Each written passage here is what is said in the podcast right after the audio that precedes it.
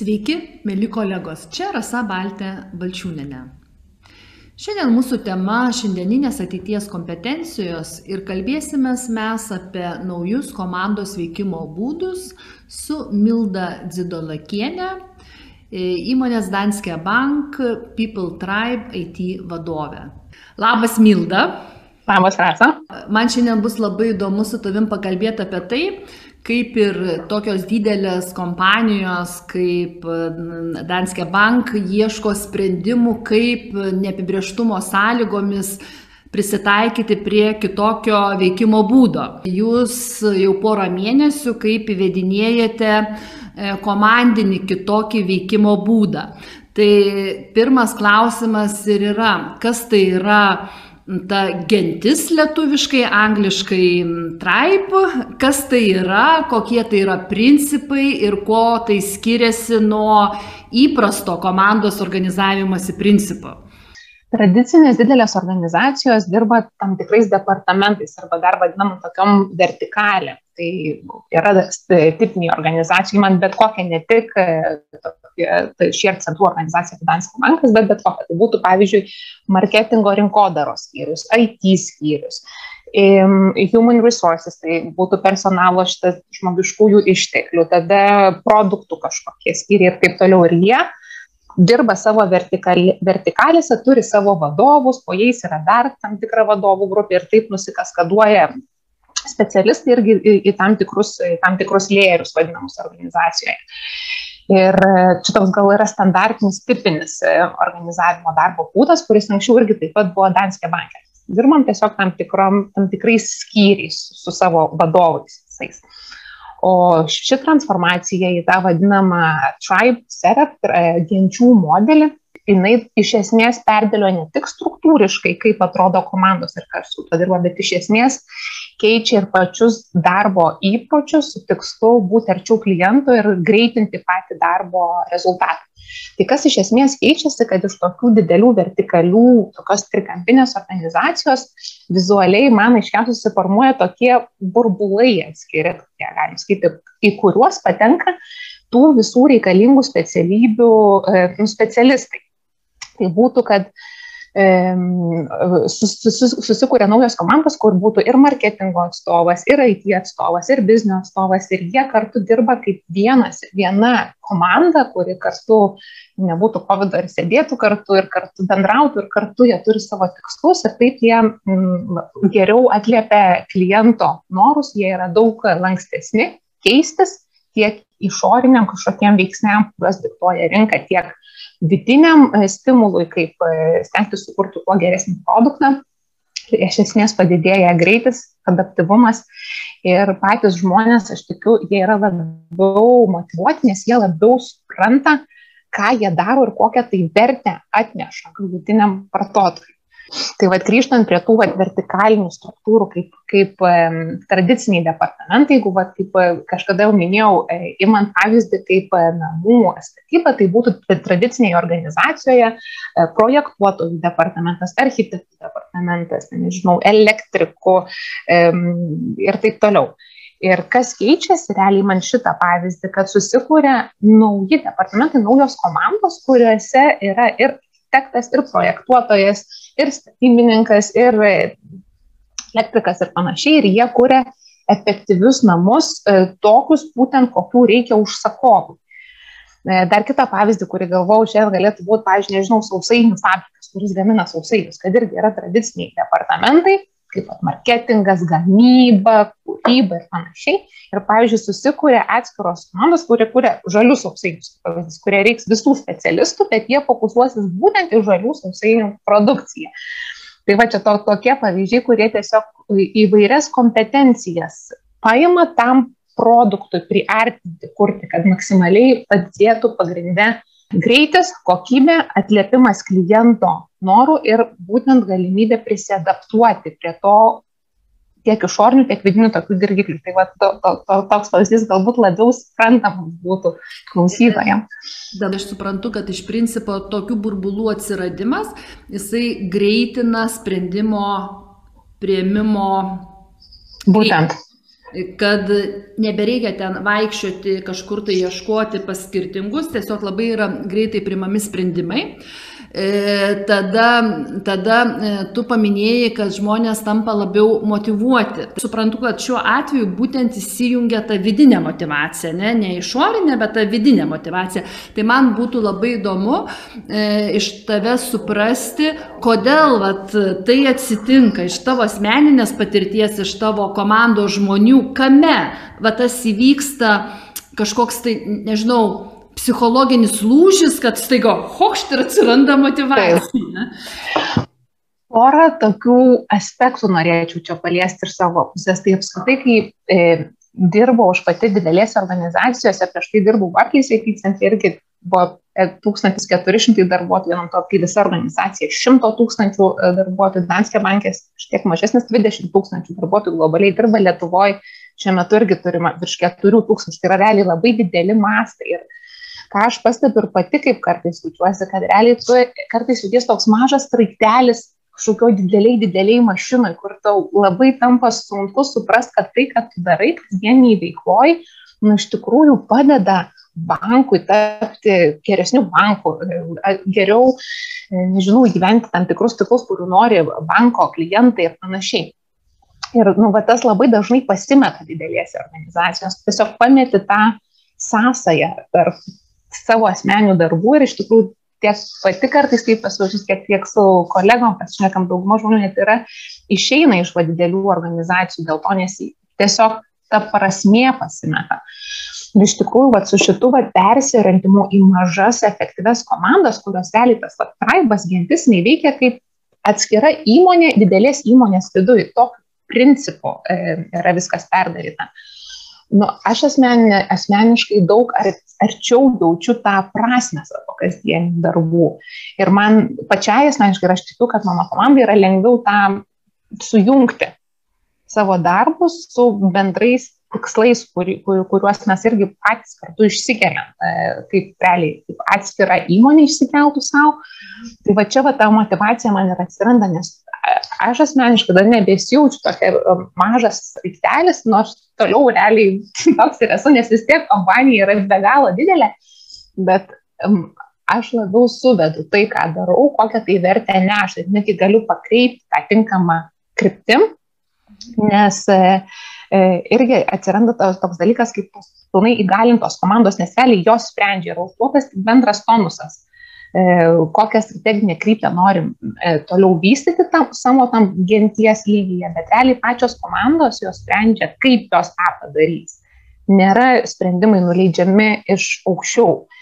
Ir čia iš tikrųjų vat, atsiranda tuomet dar kitas niuansas su vat, streso iš tikrųjų klausimu, kuris irgi yra pakankamai aktualus dėl irgi kelių aspektų. Pirma, apskritai, kad eiti per pokytį iš esmės yra Tai yra pakankamai skausmingas procesas. Manamo didelio masto organizacijos tai ypač ir plus tas va, sprendimų prieimimas ir įgalinimas komandos turi tokias dvi pusės.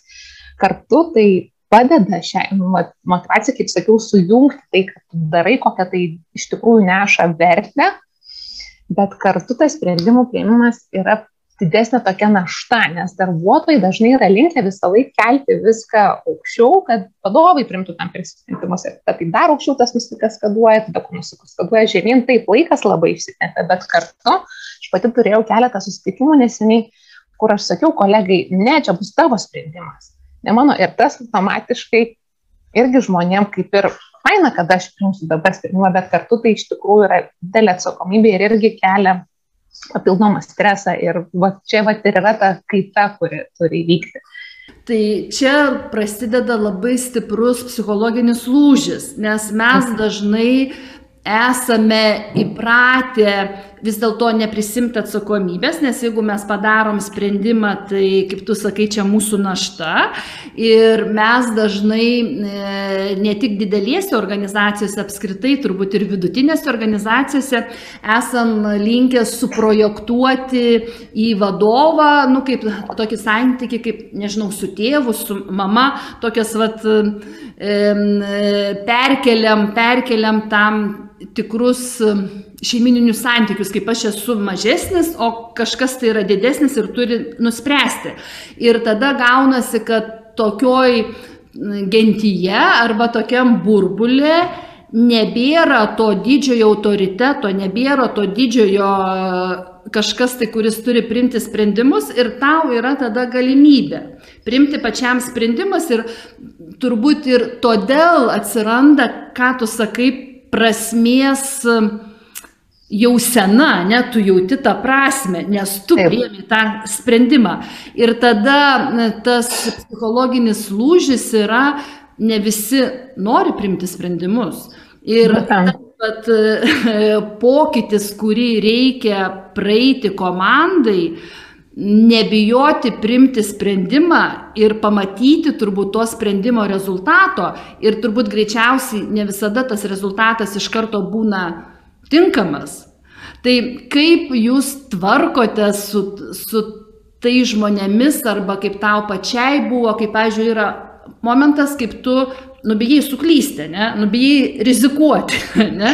Tiesiog atvirai apie tai kalbėti ir dar, ir dar, ir dar, ir dar, ir dar, kiekvienai progai pasitaikius, nes iš tikrųjų drąsų sprendimai ir yra pagrindinis tas toks blokas, yra, kad uh, aš kažkaip netaip pasirodysiu, kažkas bus ne to, va ta baimė, kažkokios klaidos, jinai yra gal visiškas stabdis e, drąsiam kažkokiam sprendimui ir tiesiog tą pastoviai kartojant per e, šitus tuos vadinamus one-to-ones, kaip mes sakom su, su komanda, kaip mes susitinkam kartu kalbėti, kaip sekasi, kokie čia mūsų, kaip čia tie darbai juda ir panašiai, tiek kartu per komandinius įvairius susitikimus tiesiog pastoviai.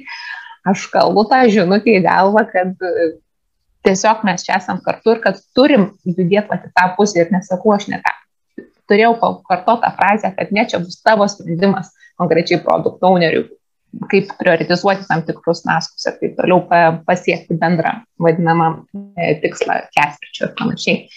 Tai tiesiog pata žinutė turi nusės labai giliai pas žmonės ir nu, aš kaip tą darau, tai tiesiog pastoviai primindama ir sukuriant tos erdvės, erdvės klaidoms, pati pripažįstu viešai, kai kažką netai padarau ir taip toliau. Ir tiesiog stengiamės sukurti tą atmosferą, kur labai laisvai galima apie tai kalbėti.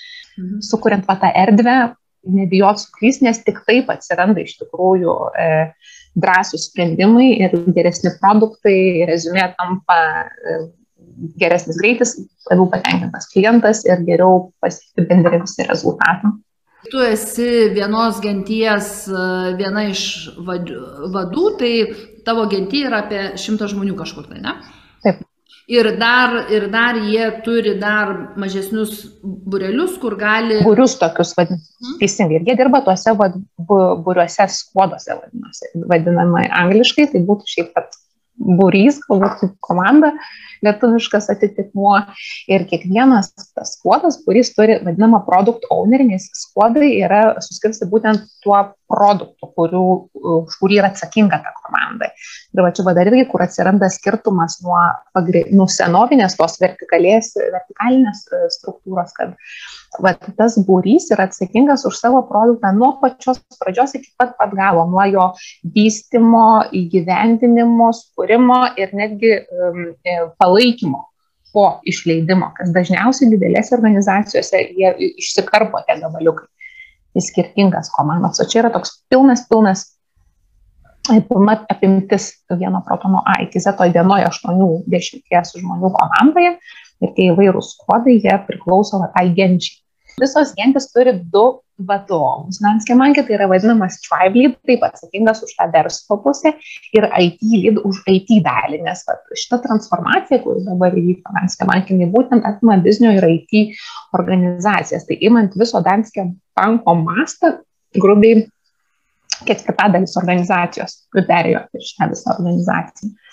Tai atsakomybės pasiskirsto taip, kad e, Traibo vadovas yra atsakingas, taip e, tariant, už ką reikia daryti, o IT vadovas už kaip tai bus padaryta. Mhm. Tačiau kaip ir, vat, kaip ir šeimoje, kad partneriai kartu priima bendrus sprendimus, taip ir čia iš tikrųjų dėl visokių sprendimų, dėl samdymo, dėl pokyčio, pačio dizaino, ginties keitimo ir taip toliau, sternamės kartu. Tačiau turim tokias kaip ir savo atskaitomybės linijas. Kaip, pavyzdžiui, dviese galima primti sprendimą, ne? Kaip, kaip vat, toj, pavadinkim, dvi valdystiai atrasti darną, o ne įtampas konfliktus? Diskusijų būdu ir vis e, gražinant save į tą bendrą tikslą, kurį turi gentis. Tai, pavyzdžiui, mūsų va, žmogiškųjų išteklių gentis, mes esame orientuoti į vidinius klientus, tai mūsų klientai yra mūsų Danske banko darbuotojai, konkrečioje, kur, kurioje srityje šiuo metu darbuojos.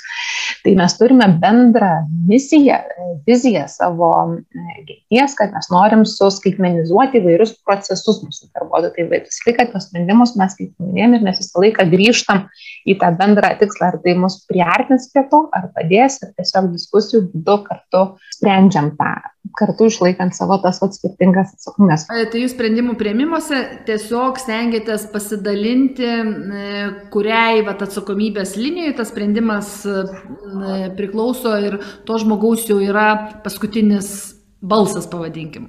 O tada dar vieną klausimą turiu, tai jeigu, yra, jeigu žmonės turi du vadovus, Kaip čia tas yra santykis, nes turbūt įprastose vadybose dažnai sako, kad dvivaldystė yra blogai ir žmogus turi turėti vieną vadovą. Iš tikrųjų, žmonės e, tiesioginį vadovą turi vieną traipą. Tarkim, IT developer, jie turi tą vadinamą chapter leader, tos komandos vadovą, kuris irgi yra vieno iš tų skuodų. O tai jie turi vieną, bet kartu mes esam kartu tas, kaip vadinamas, genties vadovybė taip susidaro iš dviejų žmonių. Ir mes tiesiog kartu stengiamės visada transliuoti vieną žinutę. Ir taip užtikrinam, kad visi darbuotojai mūsų agentyje į, į tą vieną, visi vektoriai juda į vieną tą pačią didelio vektorio kryptį. O kame yra privalumai, kaip du žmonės priema sprendimą? kaip vat yra tokia dvivaldystė ir kame yra trūkumai. Jeigu taip žiūrėti iš tokio psichologinio taško, emocinio taško. Tai žinoma, kartais galvoju, kad aš galvoju, kad va, būtų tiesiog galbūt greičiau tam tikrą dalyką, tiesiog va, aš spręščiau ir padaryčiau, arba, arba lygiai taip pat mano kolega nuspręstų dabar jis pats turi pasiderinti su Milda apie tam tikrą klausimą. Tai tas šioj konkrečioj vietoj gali šiek tiek pratesti e, tą bendrą laiką, bet kartu, kadangi mūsų yra tikrai skirtingos e, linijos, e, nes aš manau, kad tos diskusijos iš tikrųjų mus priveda prie geresnių ir kokybiškesnių sprendimų, būtent mūsų atveju konkrečiu. Bet čia irgi yra toks psichologinis iššūkis, kur, žinai, ai, tai aš čia galiu vienas labai greitai primti sprendimo, o iš principo aš turiu pastoviai derintis Tai koks čia vat vyksta tas virsmas žmoguje ir ką tai duoda? Bet nėra taip, kad dėl kiekvieno kažkokio dalyko reiktų vat, gaišti papildomą laiką, nes, kaip pat minėjau, iš tikrųjų greitis yra vienas iš tų tikslų, ką mes tengiame labai e, greit važiuoti. E, tai sprendimai, kurie susiję su IT dalimi, yra mano ir aš juos priimu, pasakau, kaip aš planuoju daryti, bet aš visą laiką informuoju ir mes kartu uh, pasiderinam, ar tai nesikerta su kažkuo kitur ir taip toliau. Lygiai taip pat uh, mano partneris iš biznio iš savo pusės sako, va, mes tarkim dėksim tokį naują modelį dabar, modulį savo HR sistemoje ir taip toliau. Ir tai mes daugiau informuojamės, bet aš jau mes pilnai nu, pasitikim, va, jau šitoj Tai o kas yra bendri, kaip pavyzdžiui, genties e, pačio dizaino klausimas ar tam tikrų kritinių rolių samdos klausimas ir taip toliau, bet mes ten vat, daugiau diskutuojam ir aš manau tik tais taip kartu priemam geresnį sprendimą mūsų organizacijai, išgirdami abu kampus.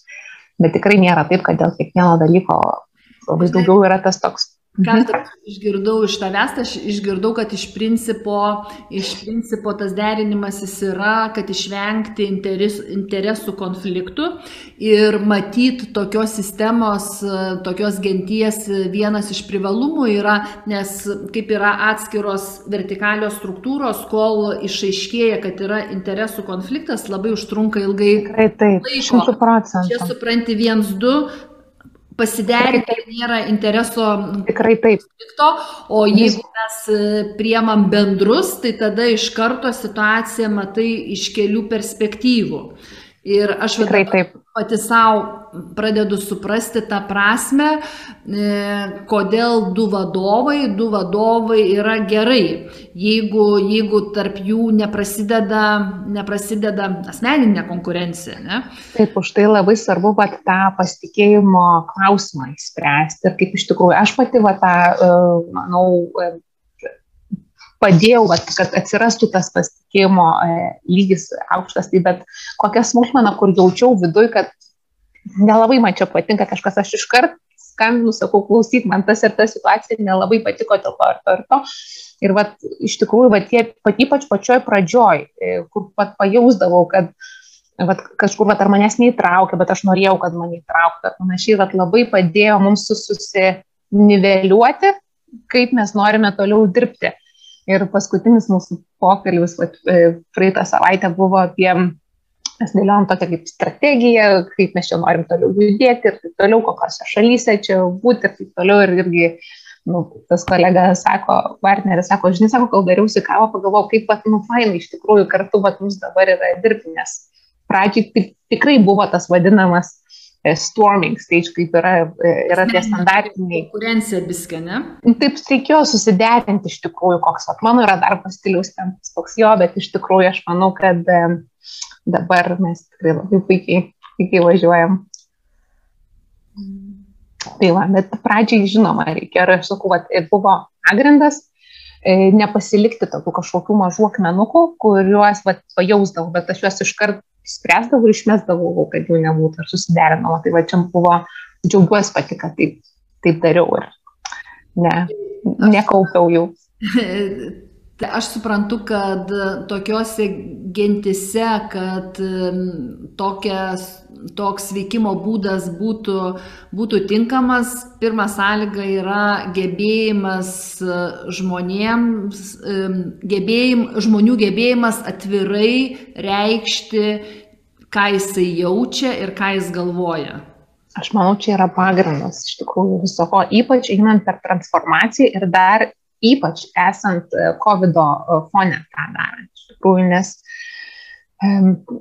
tai yra iš esmės jau sudėtingas pokytis, nes, kaip sakau, ne tik, kad pasikeičia struktūra uh, iš kažkokios dėlės, tarkim, IT, e, e, nežinau, ten mainframe departamento į skuodą, kuris priklauso tam tikram traibui. Tai iš esmės, kad vat, patys tie sprendimo prieimimai ir tas e, e, visas apskritai pokytis, dabar mes dirbam dviejų savaičių, tais vadinamais sprintais, kur tu susiplanuoji darbus ir jie yra iš tikrųjų visi viešai visiems prieinami. Kiekvieno to skuodo ar traibo darbai yra visa organizacija mato, ką, tu, ką tavo komanda padarė.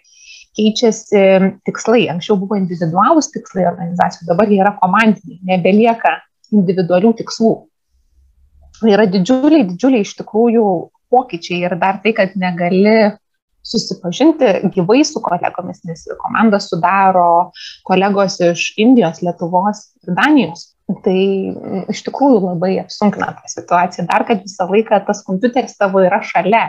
Kaip sakai, kad yra vien tik tai komandiniai tikslai, o žmonės savo individualių tikslų neturi, kiek supratau, ne? E, e, jie turi individualius tikslus savo asmeniniam tobulėjimui, tokiam kaip kokiu norėtų išmokti naujų kompetencijų ir panašiai, bet kas liečia patį darbą genties viduje ir skuodo viduje, čia lieka tik tais komandiniai tikslai.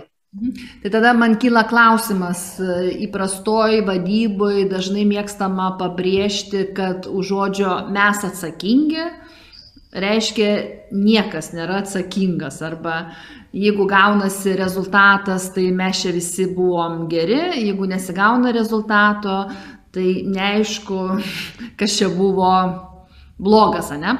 Tai kokiu būdu e, komandiniai tikslai ir tas mes atsakingi čia veikia, privalumai ir trūkumai? Matai, ar tai veikia, iš tikrųjų bus galima pasakyti, kokiu, kokiu gal metų, jeigu mes vat, vėl grįžtumėm pasikalbėti, tai galėčiau pasakyti, nes mes tik realiai dabar į, į, į, įvedam šitus vat, komandinius tikslus ir dabar vat, komunikuojam visom komandom jos. Tai kaip jie realiai veiks, dar tikrai labai sunku pasakyti, bet pagrindinis tikslas yra pereiti, kad Taip, tai yra būtent tas skuodas vadinamas, traibo ta 80 žmonių komanda, tas Mhm. būrys, jisai yra pilnai atsakingas gyventi savo tikslus ir, ir visi e, jo nariai e, neša vienodą atsakomybę už tai. Ir vat, būtent yra labai stengiamas nueiti nuo e, šitų ir konkurencijos e, tarp kolegų. Ir lygiai taip pat nueiti nuo tų vadinamų tokių, angliškas žodis yra siloed, tokių izoliuotų vietų, izo- izoliuotų vietų, kur jos tik į savo pusę tempia tam tikrus tikslus, nes kaip pavyzdžiui, grįžtant prie tradicinės organizacijos, galbūt rinkodaros e, e, skyrius turi savo kažkokius bendrus tikslus metinius, ten tada gamybos skyrius turi savo, iki savo, o čia ir jie nebūtinai padeda vieni kitiem. Tie tikslai. Siekti bendro visos organizacijos tikslo, bet kaip mes sukūrėm mažą organizaciją organizacijos viduje, vadinamą gentį, tie tikslai mūsų yra e, kuriami kas ketvirtį, tai kiekvieną ketvirtį mes apsibrėžiam, ką mes norim pasiekti per tris mėnesius, tai irgi yra toks labai apibrieštas laiko tarpas tą padaryti. Ir kiekvienas e, tas būrys, skuodas lygiai taip pat mes apsibrėžiam per tą ketvirtį, ką ta 80 žmonių komanda konkrečiai, e, nu ne tai, kad konkrečiai ką jie padarys, bet kaip jie prisidės prie to bendro ketvirčio ginties tikslo. O jau tada pačios komandos tarpusavėje susikūrė savo užduotis konkrečias, kurias jie darys. Ir va čia aš manau yra tas skirtumas, nes pačios komandos kūrėsi savo darbus, kaip pasiekti tą ketvirtinį tikslą, kuris kas tada yra dirbama kas dvi, dviejų savaičių sprintais vadinamais, žiūrėti, kaip, kaip, kaip vis komandom sekasi. Partijant prie apibendrinimo, tai aš supratau, kad, kad gentis arba angliškai traibas yra apie 100 arba 200 žmonių. Jie turi du, du vadovus, vienas už verslą atsakingas, antras už to genties specifiką arba ten jo ten paskirtį. Ir tada tame gentyje yra ten 80 žmonių būrei. E, ir kurie patys, jie turi bendrą komandinį tikslą, kas ketvirtį tie tikslai yra įsikeliami, kas dvi savaitės ten turbūt yra planuojama Taip. ir jie patys su savo sprendimais visi yra atsakingi, Taip. kad tas komandinis tikslas būtų pasiektas. Taip. Ir tai, man yra įdomu, kad tokiu būdu e, žmonės verčia, verčia, čia žinai, psichologijoje toks yra, žinai, įsireiškimas suaugėti, tapti suaugusiu, nes kaip mes norim, kad atsakomybę primtų kažkas tai kitas. Nusimesti. Tai iš principo tai yra mažo vaiko arba e, nesuaugusio žmogaus veikimo principas. Tai man labai įdomu, kad tokios didelės organizacijos atranda būdų, kokiu būdu sauginti žmonės ir perduoti jiems atsakomybę juos įgalinant. Tada man, žinai, tas įdomus momentas yra, kad bet kuriuo atveju tas psichologinis virsmas jis turi įvykti ir matyt po metų pasimatys, kas perėjo, kas neperėjo, kas įtampas išlaikė, kas neišlaikė, nes tame, tame būtina sąlyga yra atvirai jausti jausmus ir mintis. O tikrai dar mūsų kultūroje ne visada supranti, mes įpratę darbuose kalbėti, ką mes jaučiam, nes mums atrodo, kad mano jausmas, mano emocijos tai nėra jokių sąsijų su darbu. Tai čia toks irgi antras iššūkis, kur turbūt va to žmonės. Bet tokiu būdu labai atlaisvina, atlaisvina žmonės, atlaisvina įtampą ir matyti jauniems žmonėms taip yra lengviau daryti negu, negu šiek tiek augesniems žmonėms, ne?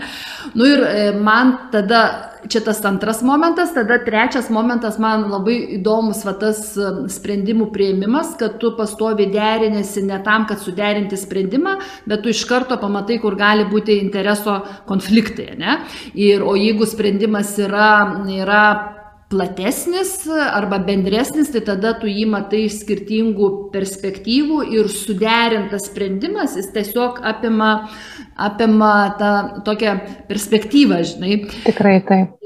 Ir matyt, matyt, matyt, jeigu aš dabar galvoju apie vidutinės, vidutinio dydžio lietuviškos organizacijos, tai iš principo tą genties veikimo principą, nu jos irgi gali taikyti, tik tai gentis bus ta visa organizacija, kurioje tada iš karto gali, žinai, atsirasti E, du vadovai, kuris vienas už verslą atsakingas, antras už tos organizacijos specifiką arba už turinį, pavadinkime, ne? Ir tada toje organizacijoje atsiranda tie būriai tokie.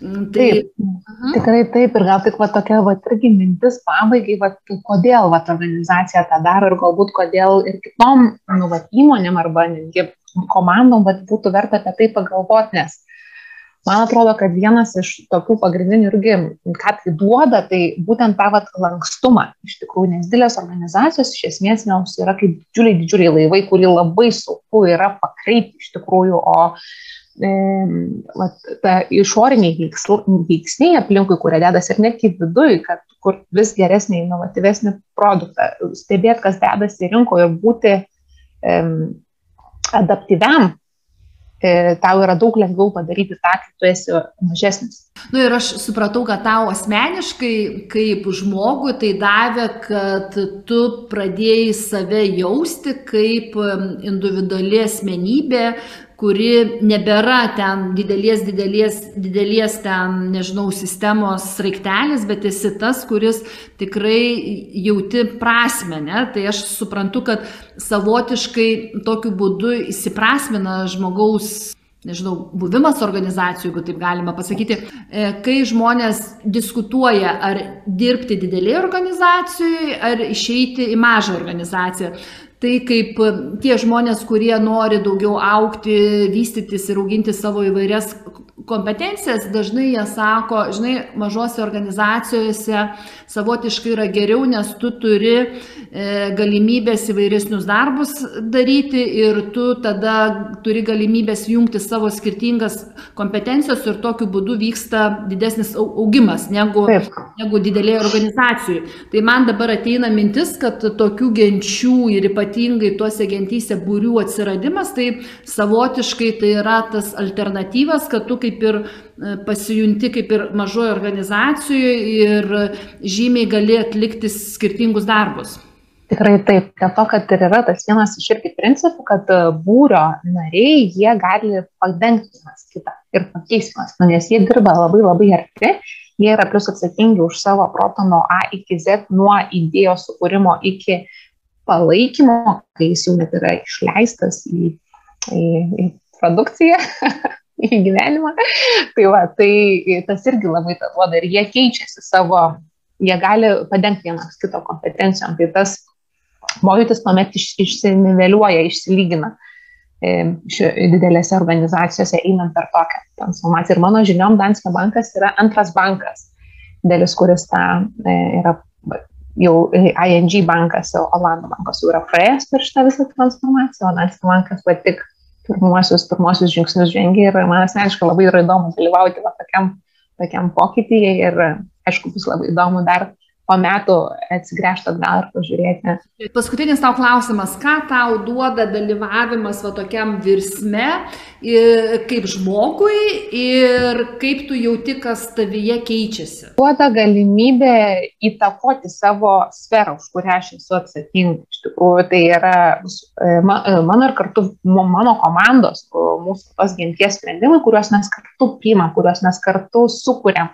Ir nu, tai man duoda didžiulę, didžiulę satisfakciją satisfakcija, kad tai yra ne kažkieno nuleistas dalykas, kurį tiesiog aš turiu padaryti, bet tai yra tas, ką mes kartu su komanda sukūrėm, sugalvojom ir vat, mes tą darom. Man asmeniškai tai yra nu, labai faina būti tokio, šitokioj vietoj.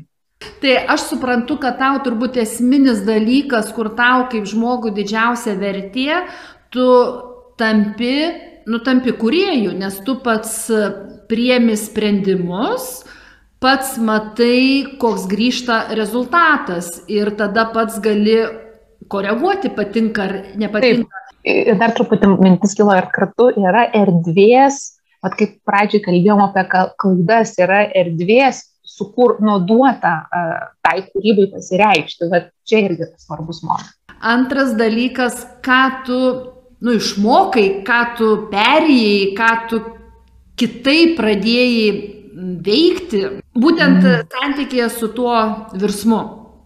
Nu, bet galbūt irgi tas suvokimas, kad e, sprendimas, kokią va, technologiją pasirinksim, viskas, niekas nėra atsakingas už mano nugaros, va, būtent tokį sprendimą primti. Pavyzdžiui, mes dabar planuojame visiškai pakeisti sistemas, kurioje mes šiuo metu laikome darbuotojų duomenis, perėti prie tokių naujų technologijų ir panašiai. Ir tai visiškai yra mano ir kartu mano komandos sprendimas ir tai e, duoda labai didelę tokią kaip ir motivaciją, bet neslėpsiu kartu tai yra šiek tiek yra tos truputį nedrasos jausmas, o kas jei nepavyks, viskas čia susi, sugrius ir panašiai ir panašiai. Tai galbūt va ta pamoka, pamoka ir yra, kad nu, va, judėti prieki, nes tos erdvės vis yra ir tiesiog reikia važiuoti ir va, drąsiai ir su pilna atsakomybė su visa komanda va, judėti tą pusę, kad pasiekti bendrą, bendrą genties viziją gyvenimą. Tai man galbūt labai arti jie man yra vienas kito. Tai ačiū tau, Milda, už pokalbį. Man tikrai buvo, buvo įdomu, įdomu suvokti ir suprasti, kaip didelės pasaulinės organizacijos ieško naujų būdų.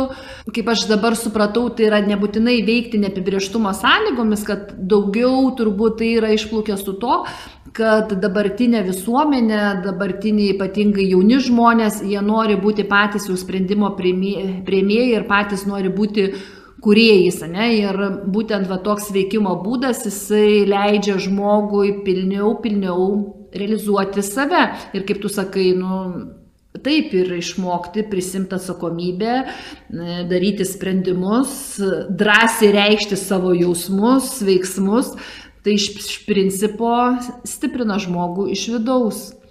Ir manau, tuo metu stiprėja visa organizacija ir toks atsiranda tas domino efektas. Gerai, ačiū labai.